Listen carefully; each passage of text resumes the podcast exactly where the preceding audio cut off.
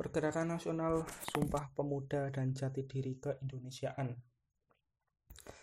Berbicara tentang sejarah Indonesia, tentu kita tidak bisa tidak untuk membahas tentang pergerakan nasional Sumpah Pemuda dan Jati Diri Keindonesiaan karena pada masa inilah kita sebagai bangsa dikukuhkan dan menjadi satu identitas yang kemudian bisa bertahan sampai hari ini.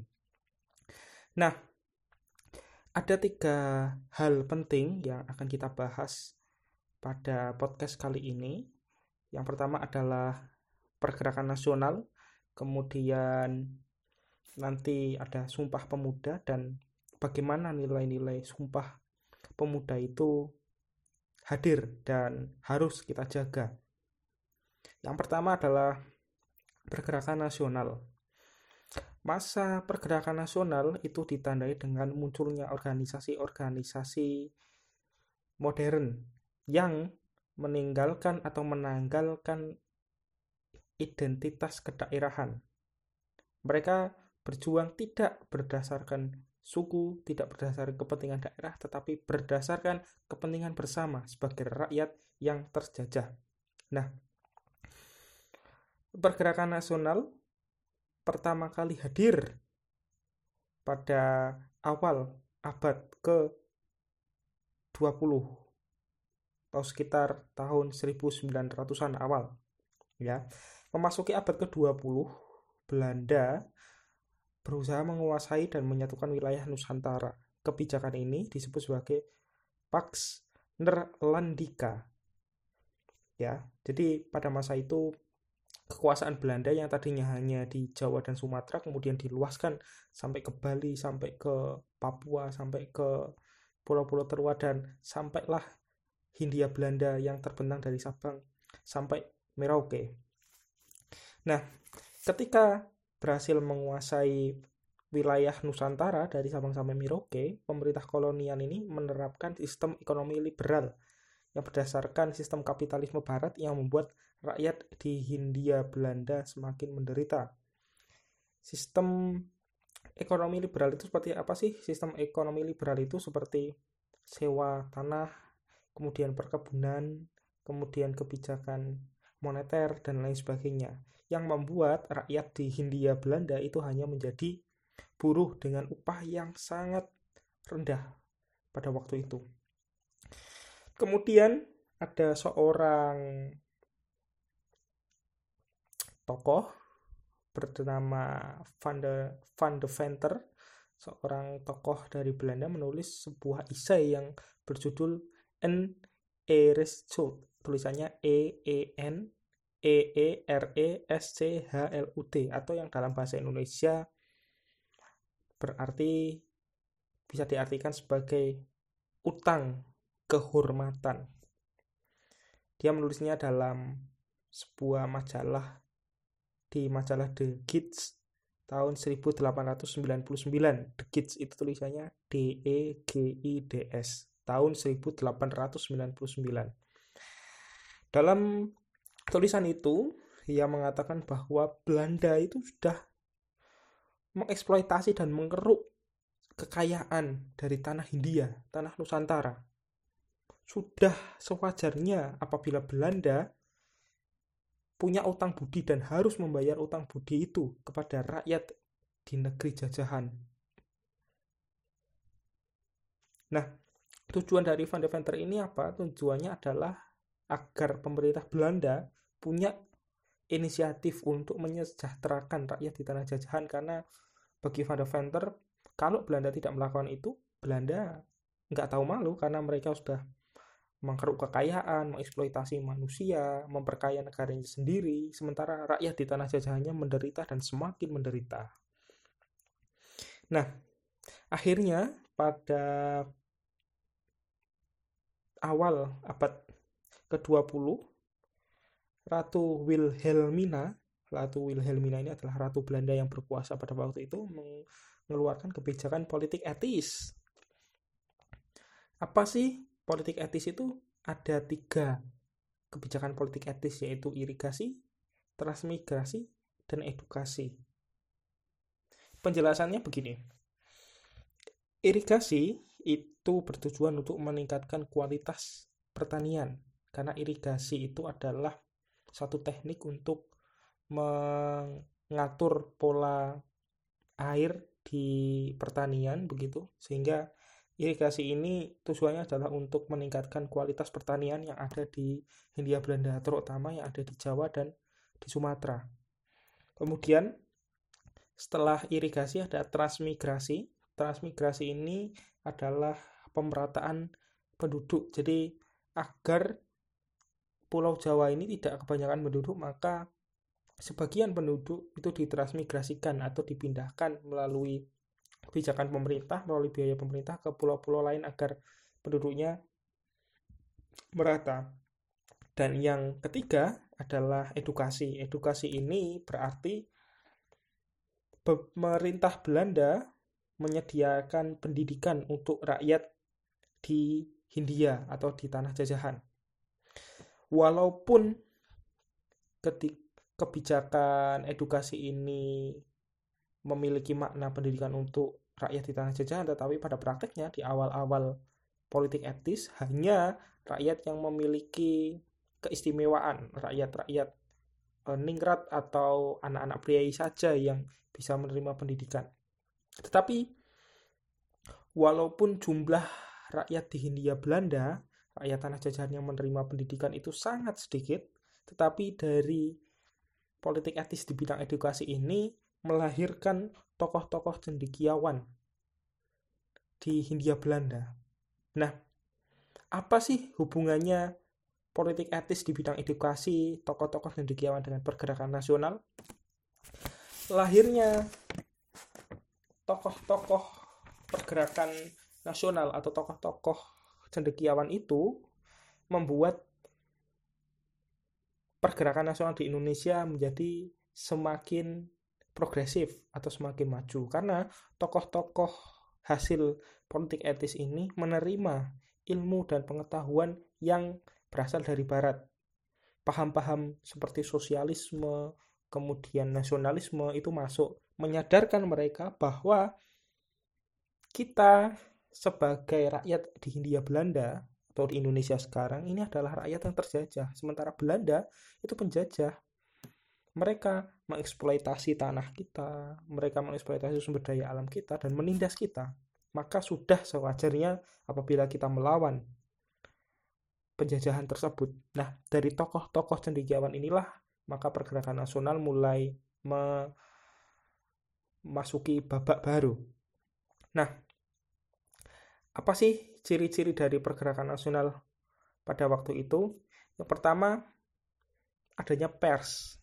Pers atau surat kabar. Munculnya cendekiawan-cendekiawan di tanah jajahan Hindia di Hindia Belanda mendorong lahirnya pers. Melalui pers, inilah gagasan-gagasan para tokoh itu dituliskan dan kemudian disebarluaskan ide-ide seperti nasionalisme, kesetaraan, sosialisme, kemudian perlawanan rakyat tertindas, kemudian apalagi banyaklah ide-ide yang berasal dari barat kemudian tersebar dan mengilhami pergerakan nasional Indonesia. Bapak pers Indonesia adalah Tirto Adi Suryo.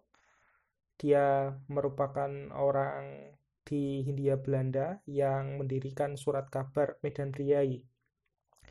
Nah, pers ini sangat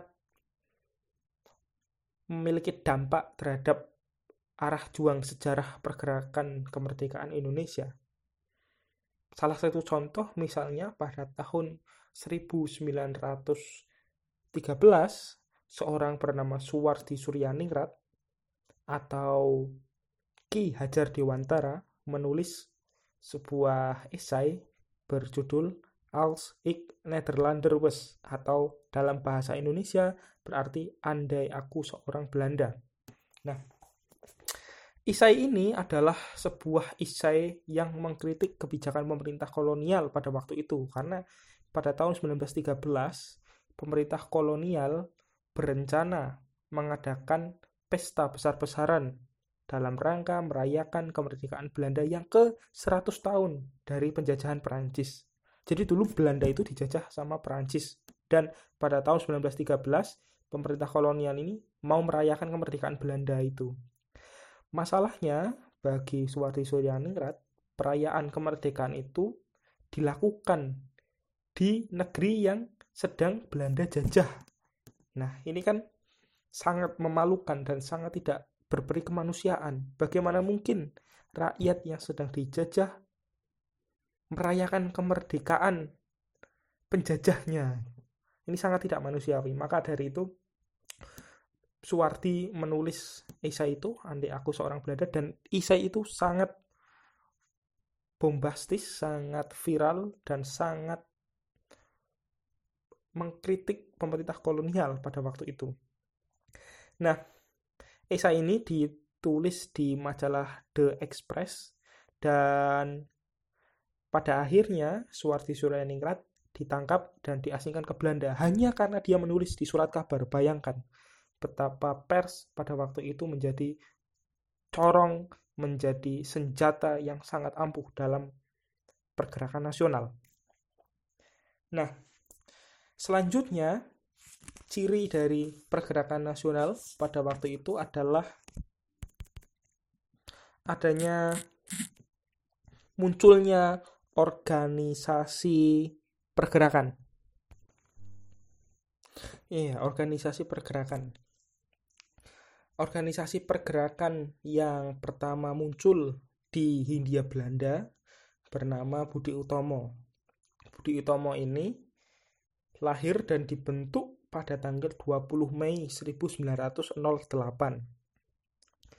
Hari lahirnya Budi Utomo ini kemudian diperingati sebagai Hari Kebangkitan Nasional Indonesia pada tanggal 20 Mei yang sebentar lagi akan kita peringati.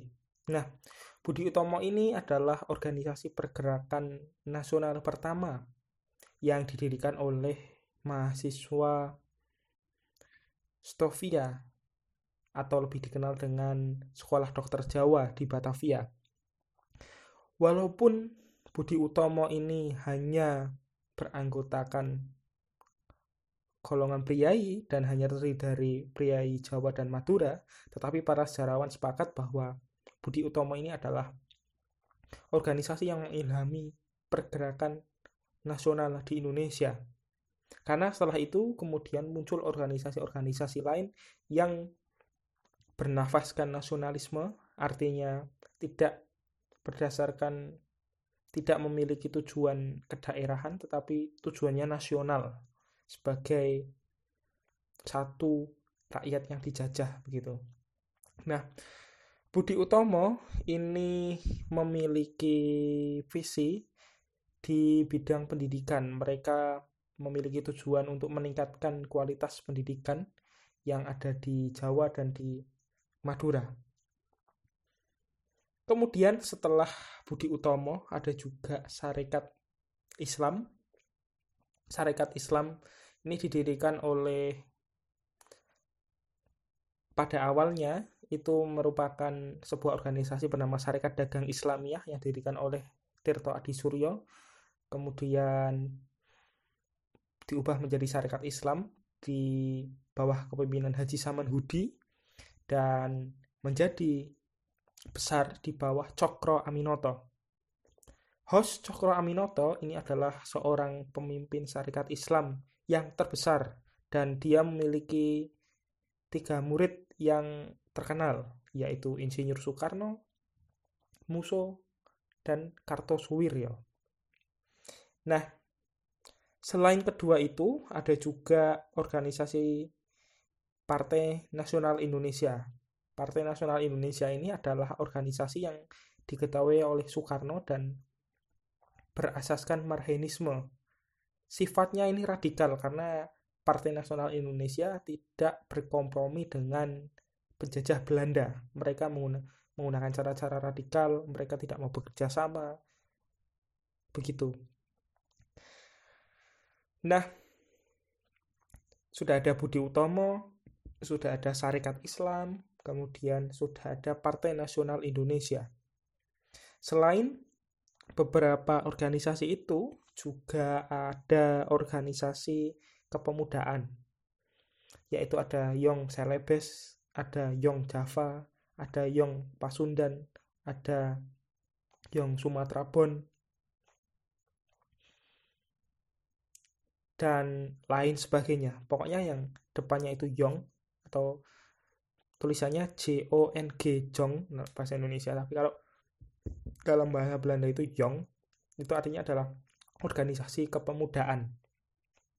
Organisasi-organisasi ini dibentuk dan diinisiasi oleh para pemuda dan walaupun masih menggunakan nama kedaerahan seperti Java, Yong Java, Yong Celebes, Yong Sumatera pun tetapi mereka sudah sadar bahwa perjuangan mereka tidak sendiri dan mereka tidak bisa berjuang berdasarkan kedaerahan saja.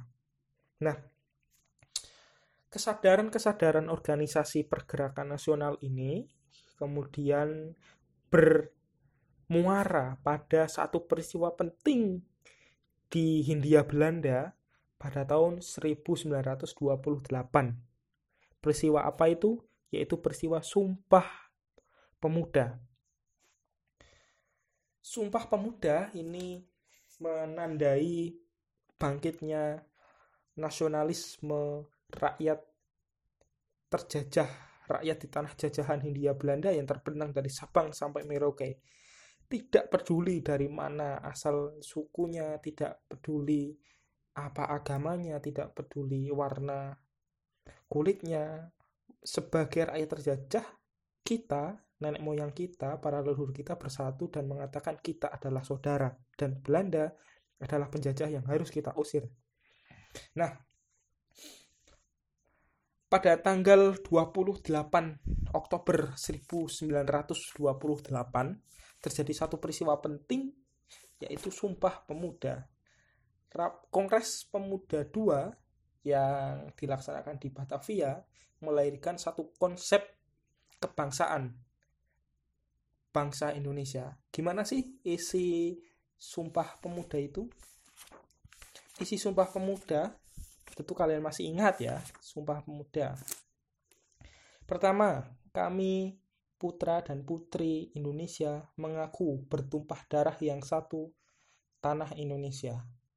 Dua, kami putra dan putri Indonesia mengaku berbangsa yang satu bangsa Indonesia.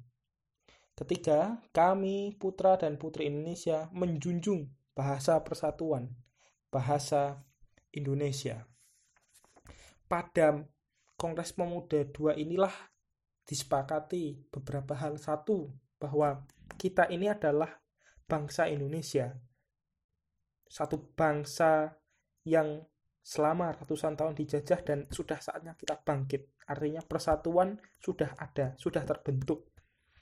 Yang kedua, mengakui bahwa bahasa nasional yang merupakan bahasa pemersatu rakyat-rakyat terjajah di Hindia Belanda adalah bahasa Indonesia.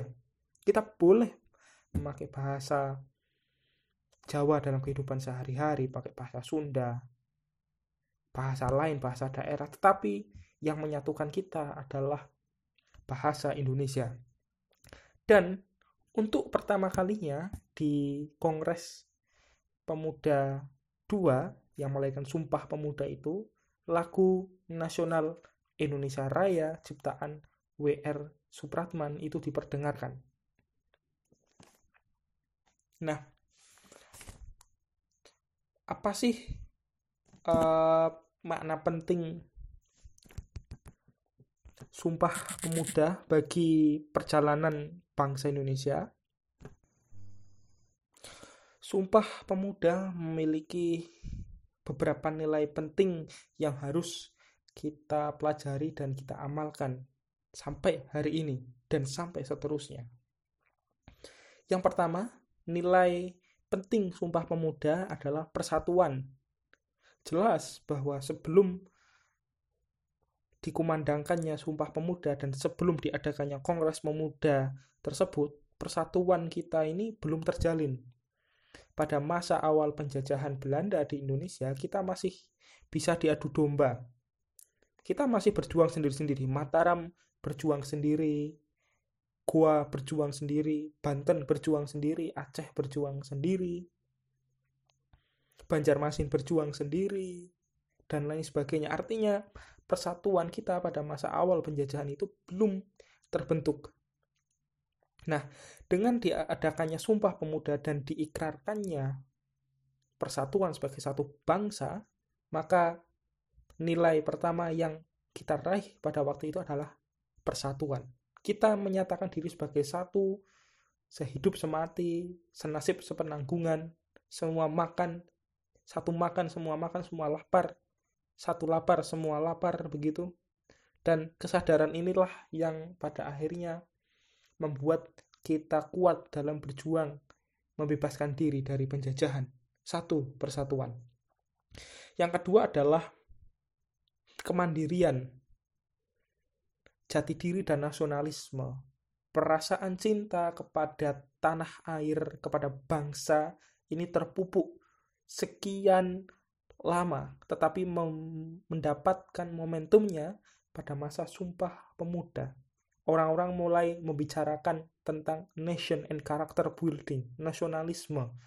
Mulai berbicara, aku ini orang Indonesia, aku lahir, tumbuh, makan di Indonesia, mengapa aku punya alasan untuk tidak cinta kepada Indonesia? Tak kira tidak ada.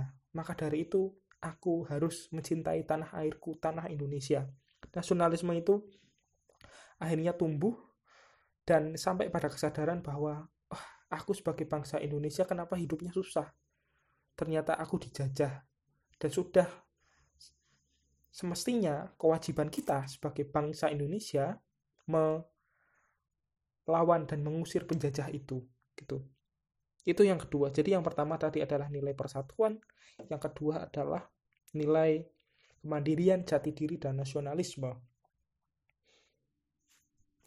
yang ketiga adalah nilai demokrasi atau demokratis pelaksanaan Sumpah Pemuda itu dilakukan secara demokratis. Tidak ada yang menguasai satu pihak menguasai pihak lain tidak ada karena dalam Sumpah Pemuda itu dilaksanakan musyawarah untuk mencapai mufakat.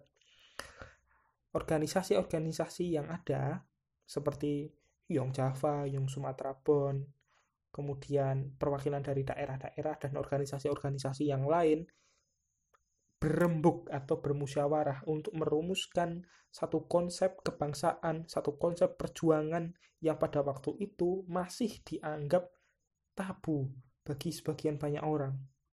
Nah, konsep demokratis ini yang harus kita tiru sampai sekarang. Kita boleh berbeda dalam segala hal. Kita boleh berbeda dalam uh, kepercayaan, kita boleh berbeda dalam uh, latar belakang, kita boleh berbeda dalam pandangan politik, dalam satu hal atau hal lain kita boleh berbeda, tapi kita harus mengedepankan nilai-nilai musyawarah. Kita harus memiliki tenggang rasa menerima apabila usulan dari orang lain misalnya lebih realistis dan lebih berguna untuk keselamatan banyak orang kenapa tidak begitu pada Kongres Pemuda 2 dilaksanakan seperti itu organisasi-organisasi kedaerahan menyingkirkan ego mereka untuk kepentingan nasional dan ini yang harus kita tiru sampai sekarang jangan sampai kita terlalu memaksakan ego dan akhirnya terjadilah perpecahan dalam kelompok kita. Ini yang tidak diinginkan oleh para pendiri bangsa kita. Jadi nilai-nilai penting Sumpah Pemuda itu ada tiga. Satu adalah persatuan, yang kedua adalah kemandirian jati diri dan nasionalisme, dan yang ketiga adalah nilai-nilai demokrasi. Demikian podcast materi sejarah Indonesia kali ini. Sampai ketemu di podcast selanjutnya. Terima kasih.